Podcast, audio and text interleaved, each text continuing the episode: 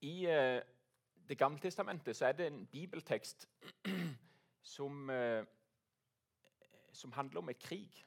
En krig som ikke ble vunnet. Eh, kongen i Syria han var i krig mot Israel. Han eh, oppdaget det at når de kom der de hadde planlagt, så var allerede den israelske hæren der. Og så skjedde det ikke det bare én gang, men det skjedde flere ganger. Så han forsto det at det her er det noen som røper planen vår. Så, så har han et, et møte med soldatene så spør han, hvem er det Hvem er det som røper oss. Og så er det en som sier da at nei, det er ikke sånn det foregår, konge. Men i Israel så er det en profet. Og han får høre det du sier på ditt sengekammer.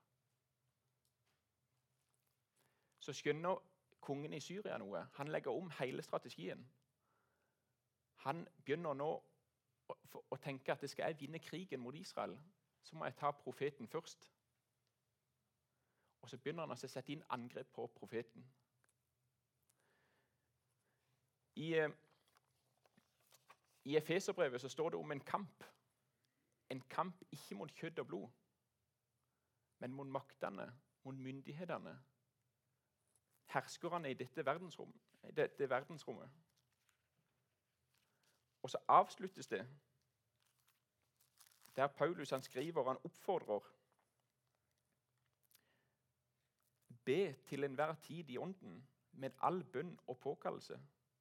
Vær overvåkne i dette med all utholdenhet i bønn for alle de hellige.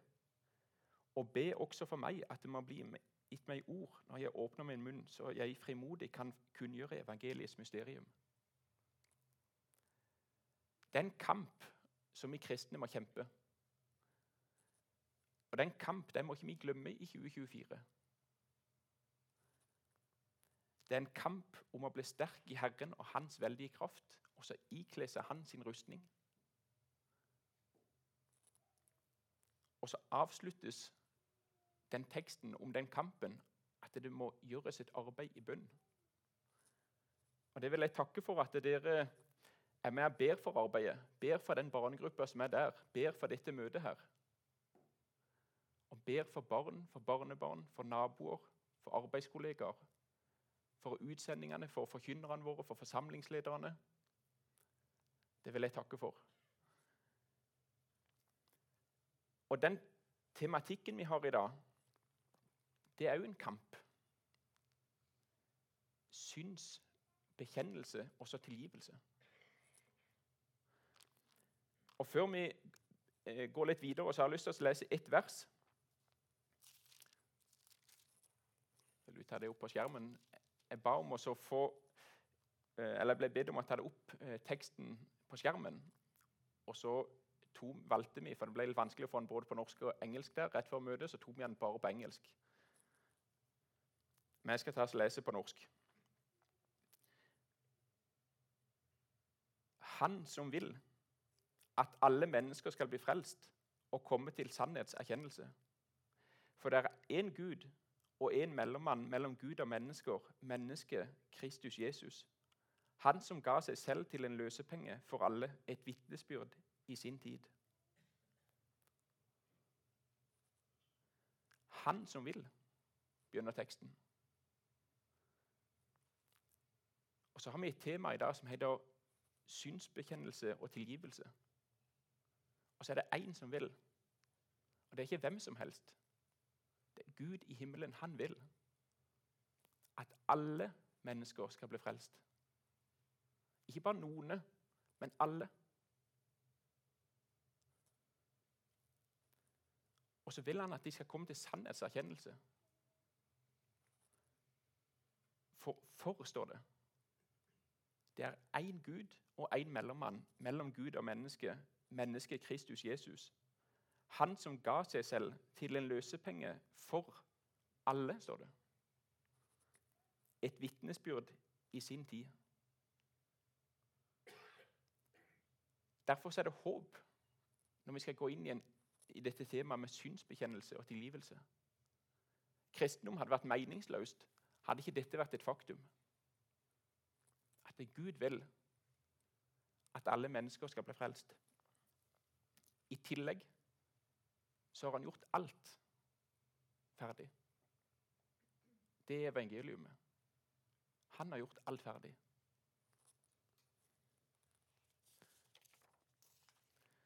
En ungdom som, som jeg prata med for noen år siden, han sa at på møtene så var det så veldig mye tale om synd. Det var mye tale om synd. Og Det kan godt være han hadde rett. Det vet Jeg ikke Jeg vet ikke hvordan det er i misjonssalen her heller. Kanskje det er for mye tall om synd. Kanskje det er for lite tall om synd. Uansett om det er for mye eller for lite, så er iallfall enhver forkynnelse viktig å gjennomgå. For det kan fort bli sånn slagsider, både i læren og i forkynnelsen, at noen, noen ting ble vektlagt så tungt at andre ting ikke får rom eller får plass. Så kjenner jeg på en litt sånn tale om synsbekjennelse og tilgivelse og forventer, og forventer de som kommer inn her i dag og hører. da.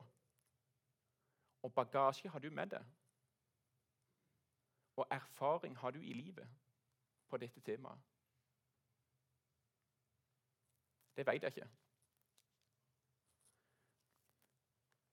Men jeg hadde lyst til å si det at Bibelen, den boka der, den er ei ærlig bok. Ei dønn ærlig bok. Det er ikke ei bok med solskinnshistorier og bare gode ord. Det er veldig mange gode ord, så ikke misforstå her. Men noe er helt ærlig. Og så er det noe det der med synsbekjennelse Det er ofte vanskeligst til de som er aller nærmest. De som går helt inn på livet.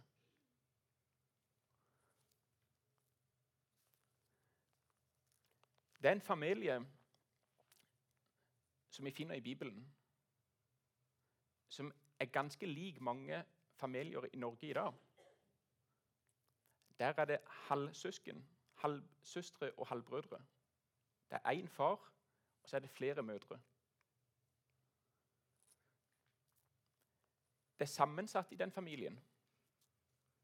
Det er forskjellsbehandling ifra far. Det er misunnelse, det er hat, det er mordtanker.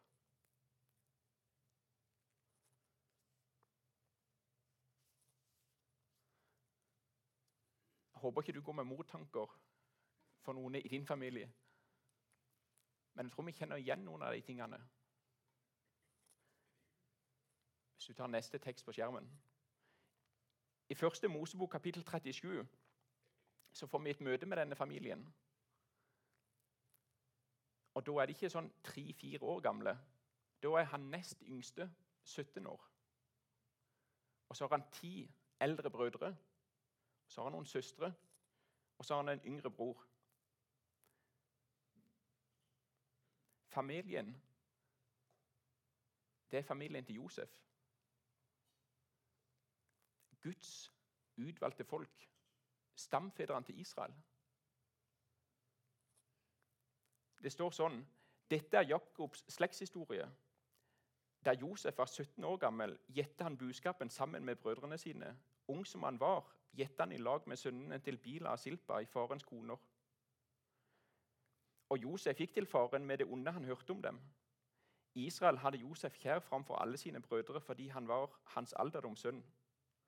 Han hadde latt gjøre en si kappe til ham. Men da brødrene hans så at faren holdt mer av ham enn av brødrene, la de ham få hat og kunne ikke tale vennlig til ham. En gang hadde Josef en drøm som han fortalte brødrene sine. Da hatet de ham enda mer. Han sa til dem, 'Vil dere høre en drøm som jeg har drømt?'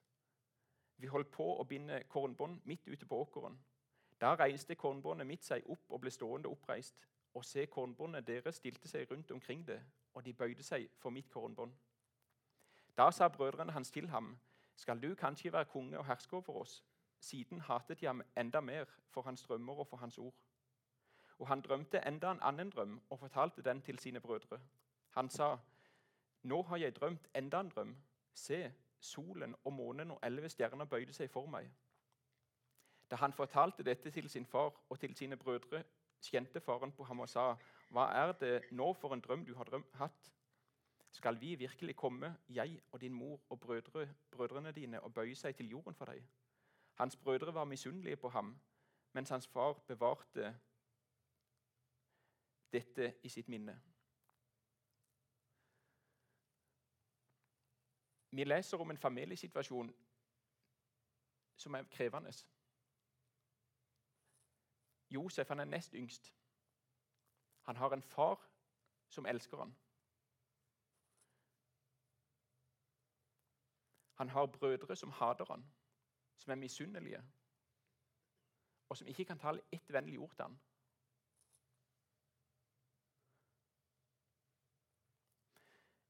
I en søskenflokk så tror jeg ikke at foreldre kan, kan gjøre alt likt for at det skal bli likt. Det er iallfall min erfaring. Jeg er far til fire. Jeg ble nøyt jeg ble nøyt å behandle de fire forskjellig. Det er utrolig vanskelig å være foreldre. For at de fire skal få det samme, så må jeg gi dem fire forskjellige ting.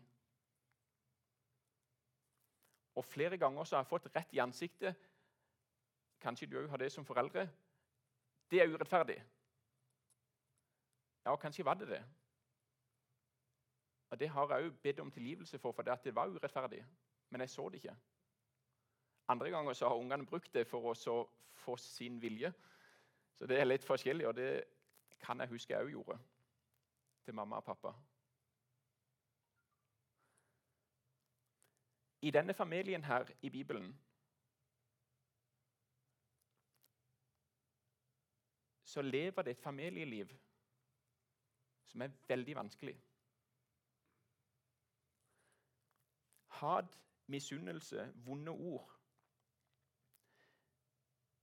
De brødrene til Josef de kunne ikke tale vennlig til ham.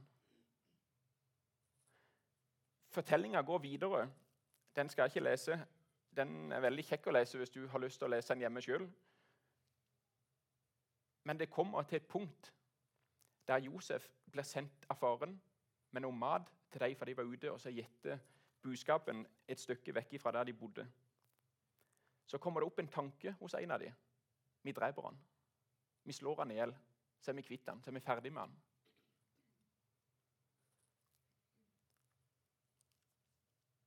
Så kaster de han ned i en tom brønn.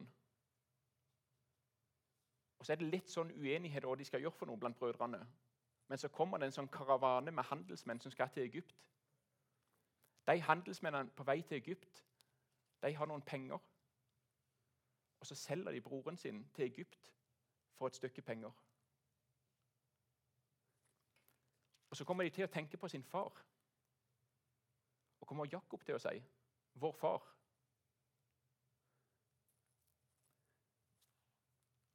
Så før de selger Josef, så har de tatt an den der fine klesdrakten som han hadde fått av faren. Og Så tar de den, og så river de den. Og Så tar de en geitebukk og så slakter den, og så drypper de noe blod og griser til denne klesdrakten med noe blod.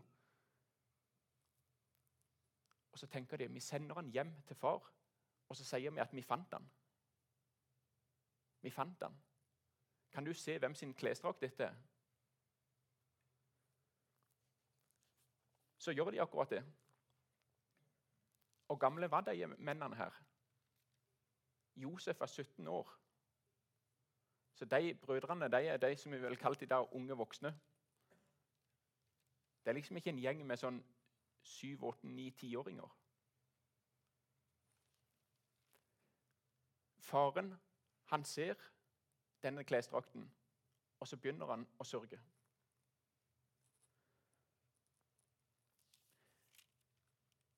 Så står det i Bibelen at Josef han går til Egypt. En lengre historie der så står han en dag foran farao, og da er han 30 år gammel. Så det er allerede gått 13 år. Så skjer det denne hendelsen som farao hadde blitt varsla om i en drøm, at det kom syv uår med altfor lite mat.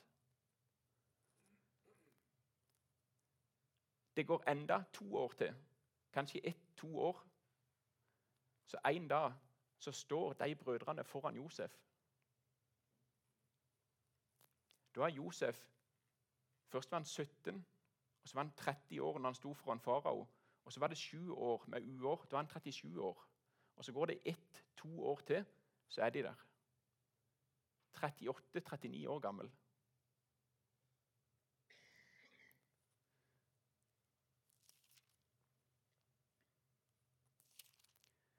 Så begynner de brødrene å presentere seg, hvem de er, og så setter Josef dem på en prøve. Han sier de er speidere. Nei, nei, nei, vi er ærlige menn, sier de. Alle ti.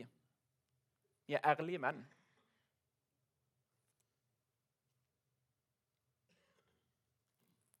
Vi er brødre, Synd er én far. Én er ikke mer, og så én er hjemme hos far. Josef han setter de i fengsel i tre dager. I det fengselet der får de brødrene et møte med Gud. Gud han elsker de brødrene. Ser du livet deres sitt? I 21-22 år, år inn, år ut, da inn, da ut, har de gått med en løgn som de har avtalt i sammen. Ingen må røpe hverandre. Ingen må si noe. Gud i himmelen, han så alt sammen. Han så alt ovenifra. Hver gebursdag til Josef, hver gang Jakob tok fram et minne om Josef, så måtte de vokte ordene. De måtte passe på hva de sa for noe. De måtte ikke bli avslørt. Hver gang de hadde en type gudstjeneste, så kan jeg tenke at én av de ti, eller alle ti, visste hva de hadde gjort. Og de visste at det var løgn. De visste at ikke det var gjort opp. Og så står de foran Josef 20 år med løgn. Nei, nei, vi er ærlige menn. Alle sammen. Hva tror du Gud tenkte da for noe?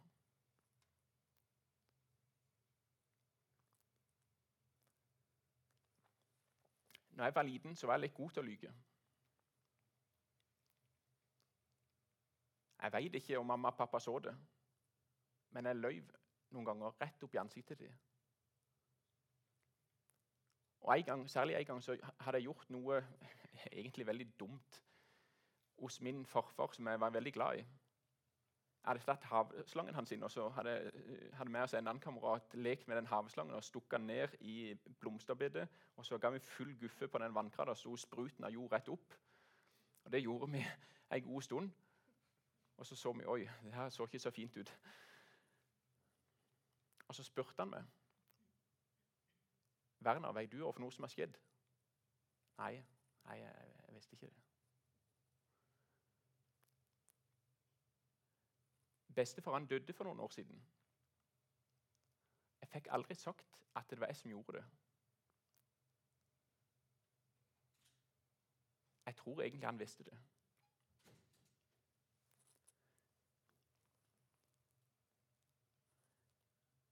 Gud, han vet det. Han velger ut Jakob og hans familie. Ikke fordi at de var en glansfamilie, men fordi han elska dem. Ikke fordi at de gjorde alt rett, men fordi han elska dem. Han som vil at alle mennesker skal bli frelst og komme til sannhetserkjennelse. Sånn er Gud.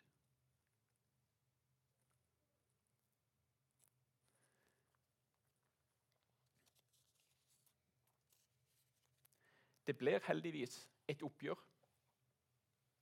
Det kan du lese sjøl i kapittel 50.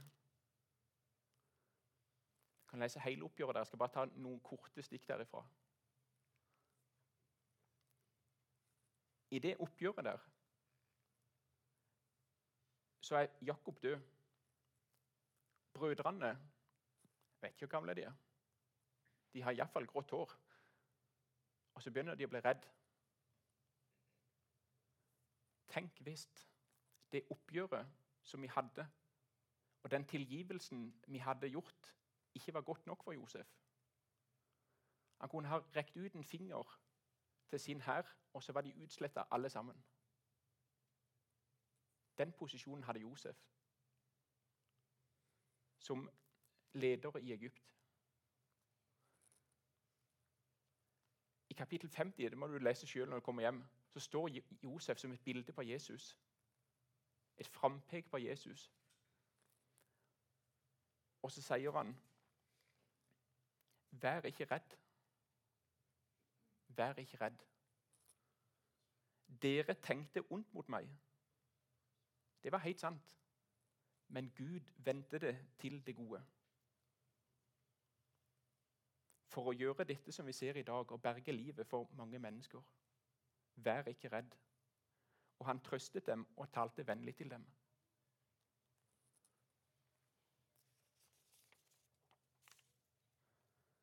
Hvorfor er jo det å bekjenne synd så sentralt i Bibelen? Et menneske blir ikke frelst uansett hvor mye synd det bekjenner. Et menneske kan leve hele livet og bekjenne og bekjenne og bekjenne. og bekjenne. Det blir aldri frelst for det. Et menneske blir bare frelst med å motta frelsens gave. Efeserbrevet kapittel 2 og vers 8.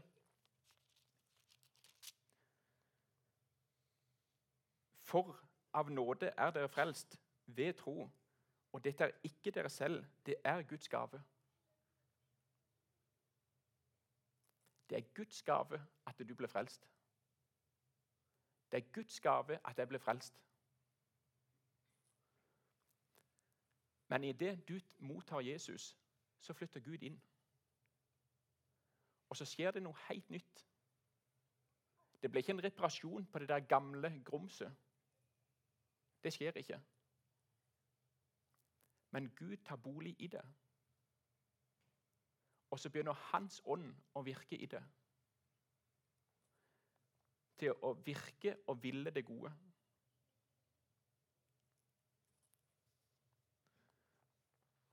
Og når det skjer, så begynner det å bli motbydelig å gjøre det som er imot Guds vilje.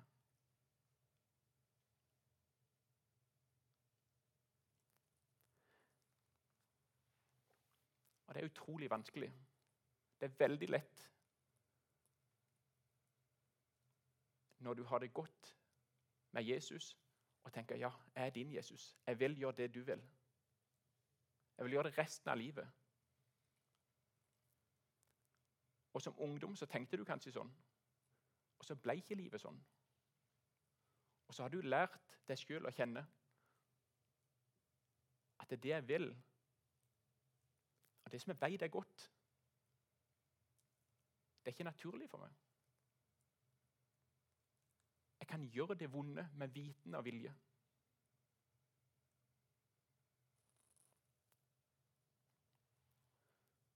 Hvorfor er det sånn?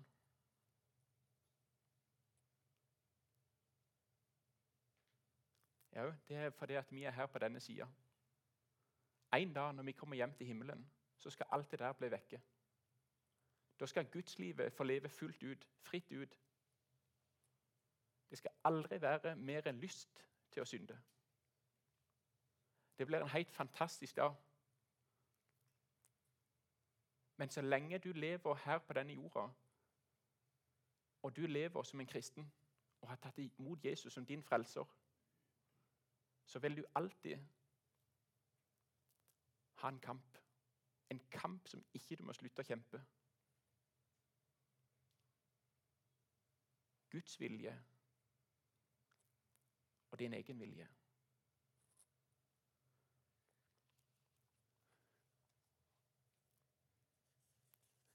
Jeg skal lese et utdrag fra ei bok som heter 'Steingrunnen' til en svenske som heter Bo Gjertz. Han døde i 1998. Sto det på Internett, så jeg håper det stemmer. Han skriver sånn i boka si som heter 'Steingrunnen'.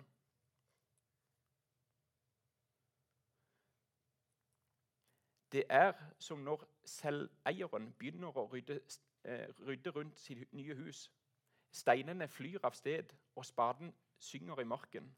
Men når et menneske arbeider i sitt hjertes åker, gjør han litt etter litt den bedrøvelige oppdagelsen at det blir bare mer stein jo dypere ned han kommer. De sitter fast i hans indre. Å bryte med brennevinsmisbruk og banning og vanhelligelse av sabbaten, det kan gå på en kveld. Men hovmodet, lysten til å snakke om seg selv eller finne feil hos andre, slikt sitter fast. Der ennå etter mange måneders hard kamp.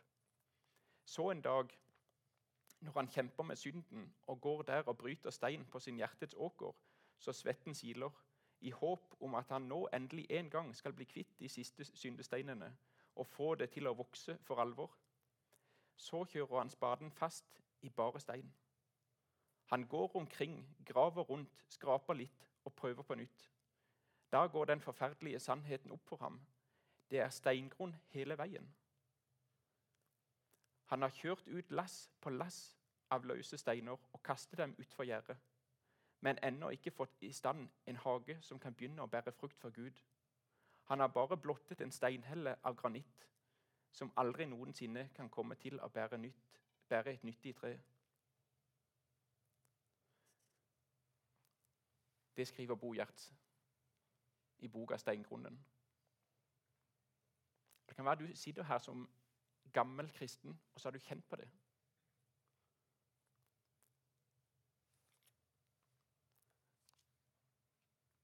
Da må du høre de ordene en gang til. Han som vil at alle mennesker skal bli frelst og komme til sannhetserkjennelse. For det er én Gud og én mellommann mellom Gud og mennesker, mennesket Kristus Jesus.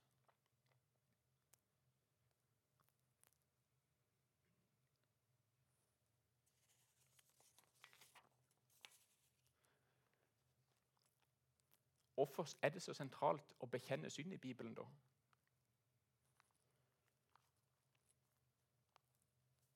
Jeg tror det er mange grunner. Den ene det er at du forstår, og jeg forstår, at vi har bruk for Jesus. At du trenger å bli frelst. Og den andre det er at Guds navn ble gjort herlig blant de som ikke kjenner Jesus. Den dagen du går og sier, at det, det jeg gjorde mot deg, det var ikke rett. Jeg har lyst til å be om tilgivelse. Og så kan du få vitne om Han som har tilgitt alt. Og så kan du si at jeg har ingenting å vise til, men jeg har fått tilgivelse for alt hos Gud. Han har åpna hele himmelen for meg.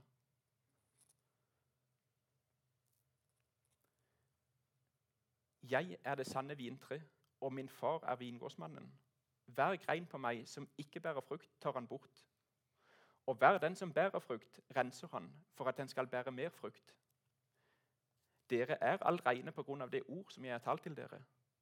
Bli i meg, så blir jeg i dere. Like som greinen ikke kan bære frukt av seg selv, men bare når den blir i vintreet, slik kan heller ikke den bære frukt uten at den blir i meg. Jeg er vintreet, dere er greinene. Den som blir i meg og jeg i ham, han bærer mye frukt, for uten meg kan dere intet gjøre. Og noen ikke blir i meg, da kastes han ut som en grein av visner. Og de samler den sammen og kaster den på ilden, og og de brenner. Dersom dere blir i meg, og mine ord blir i dere, da be om hva dere vil, og dere skal få det.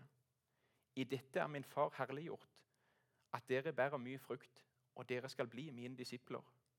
Like som Faderen har elsket meg, så har jeg elsket dere bli i min kjærlighet. Hvis dere holder fast på mine bud, da, bli, da blir dere i min kjærlighet, liksom jeg har holdt fast på min fars bud og blir i hans kjærlighet. Dette har jeg talt til dere for at min glede kan være i dere, og deres glede kan bli fullkommen. Du og meg, vi frelses ikke til en Jesus-uavhengighet, men til en Jesus-avhengighet. Du og meg, vi frelses ikke til en Jesus-uavhengighet. Det er helt sant at du kommer for seint. Du kommer omtrent 2000 år for seint.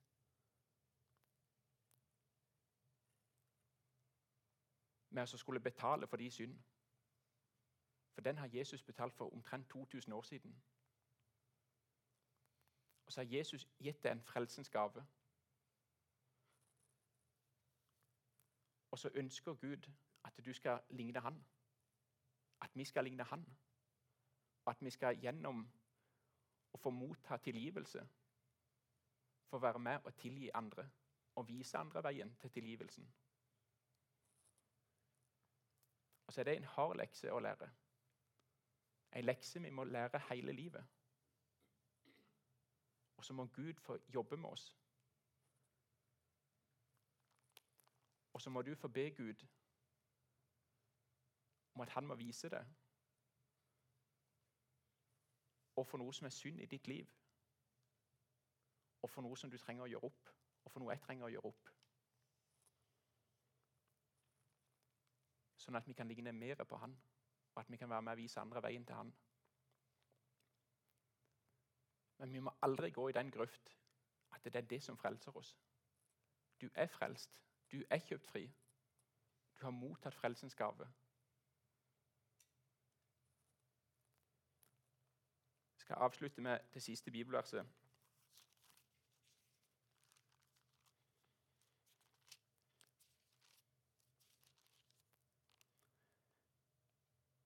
Kom, la oss gå i rette med hverandre, sier Herren. Om deres synder er som purpur, skal de bli hvite som snø. Om de er røde som skarlaken, skal de bli som den hvite ull. Amen.